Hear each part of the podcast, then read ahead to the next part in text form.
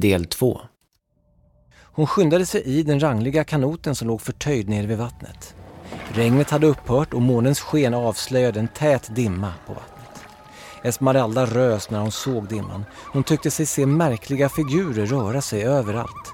Som om de svävade fritt i dimman. Esmeralda kom fram till Suckarnas skog och förtöjde kanoten vid vattenbrynet. Hon kämpade genom våt och seg lera. Det kändes som om leran ville hålla henne fast. Men till sist nådde hon torrare mark. Plötsligt hördes ett brakande ljud alldeles intill Esmeralda. Hon kastade sig åt sidan och det stora trädet föll så nära henne att de yttersta grenarna rispade hennes oskyddade ansikte. Hon kände på ansiktet blod. Men det var bara en liten rispa. När hon satte sig upp såg hon till sin förvåning något mycket märkligt. På marken där trädet stått gapade nu ett stort hål. Det var tomt så när som på något som lös intensivt mot henne. Hon kisade och när hon förstod vad det var rös hon. Det var eldsroten. Esmeralda gjorde upp en eld som kunde hålla henne varm under natten. Hon hade klarat sig hit utan att råka ut för faror. Men att ta sig tillbaka genom Suckarnas skog och Trollbäcken en gång till under natten var för farligt. Hon lyssnade spänt på nattens ljud. Hon ryckte till när hon hörde den första vargen. Den var långt bort, men de kom närmare. Nu såg hon dem skymta bara några meter bort. Hon höll andan, kramade sitt halsband hårt. Det fungerade. Vargarna tittade med isblå ögon på henne. Sedan vände de om och försvann ylande i månens sken. Hon hörde en ny åskknall, men regnet uteblev. Esmeralda sov inte en blund den här natten, utan satt på helspänn, ensam i mörkret. I Suckarnas skog ville solen inte riktigt vakna. Runt omkring henne låg dimman tät. Men hon visste att det var dags nu.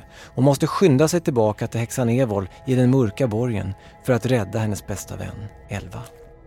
Hon gick den mödosamma vägen genom den svåra leran. Hon kämpade steg för steg och snart såg hon till sin lättnad kanoten. Den låg precis där hon förtöjt den. Hon satte kanoten i vattnet och tog i för allt vad hon var värd över den dimhöljda trollbäcken. En ensam uggla gjorde henne sällskap. Snart var hon tillbaka vid den mörka borgen igen. Hon gick upp för trappan och på nytt knackade hon på dörren. Ännu en gång öppnade häxan Evol med ett elakt grin. Nå, kära barn, var har du mitt halsband? Häxan log, men nästan alla visste att det bara var ett spel på galleriet. Häxan var säker på att hon snart skulle få som hon ville. Härska över en mörk värld fylld av elakhet. Nå, var har du det? röt plötsligt häxan. Hennes ögon glödde hotfullt och hon höjde sig över Esmeralda. Här, sa Esmeralda med stadig röst. Hon vecklade ut sitt fodral och när häxan fick syn på eldsroten ryggade hon tillbaka förskräckt. Nej! Vrålade hon och kastade sig över Esmeralda. Men det var för sent. Esmeralda fick blixtsnabbt fram eldsroten och höll den skyddande framför sig. Plötsligt hördes en åskknall och sedan blev det knäpptyst inne i borgen. Esmeralda blundade i ett ögonblick, väntade sig att få häxan över sig, men inget hände.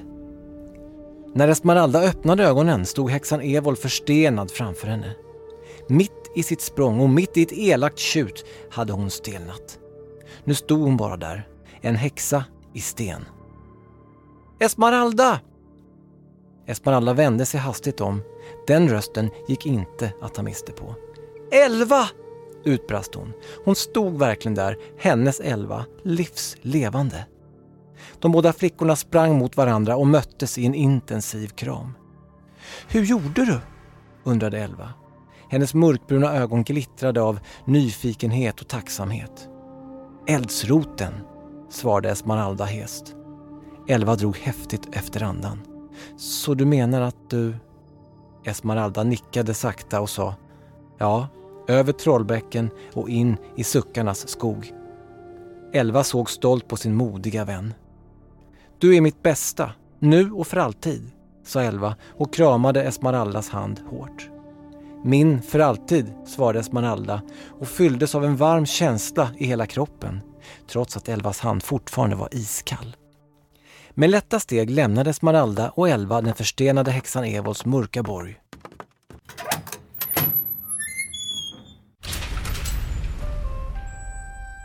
Utanför sken solen över skogen. En skog som inte längre kändes mörk eller läskig. Den var istället lekfullt vacker. Ondskan fanns inte längre kvar. Esmeralda kramade sitt magiska halsband. Just för stunden behövde hon det inte längre. Just här och nu var världen god och inget ont lurade inne bland skuggorna. Men man vet aldrig när man stöter på ondska och elakhet igen, tänkte hon och satte sig vikt upp på Rydars rygg. Elva svängde sig upp och satte sig tätt bakom Esmeralda. Sedan satte de full fart över stigar och ängar. Där de satt på Rydars rygg var de inte bara oskiljaktiga. De var oslagbara, Esmeralda och Elva, som två systrar i kung Konstantias rike. Eldsroten är skriven, berättad och producerad av mig, Mikael Rosengren.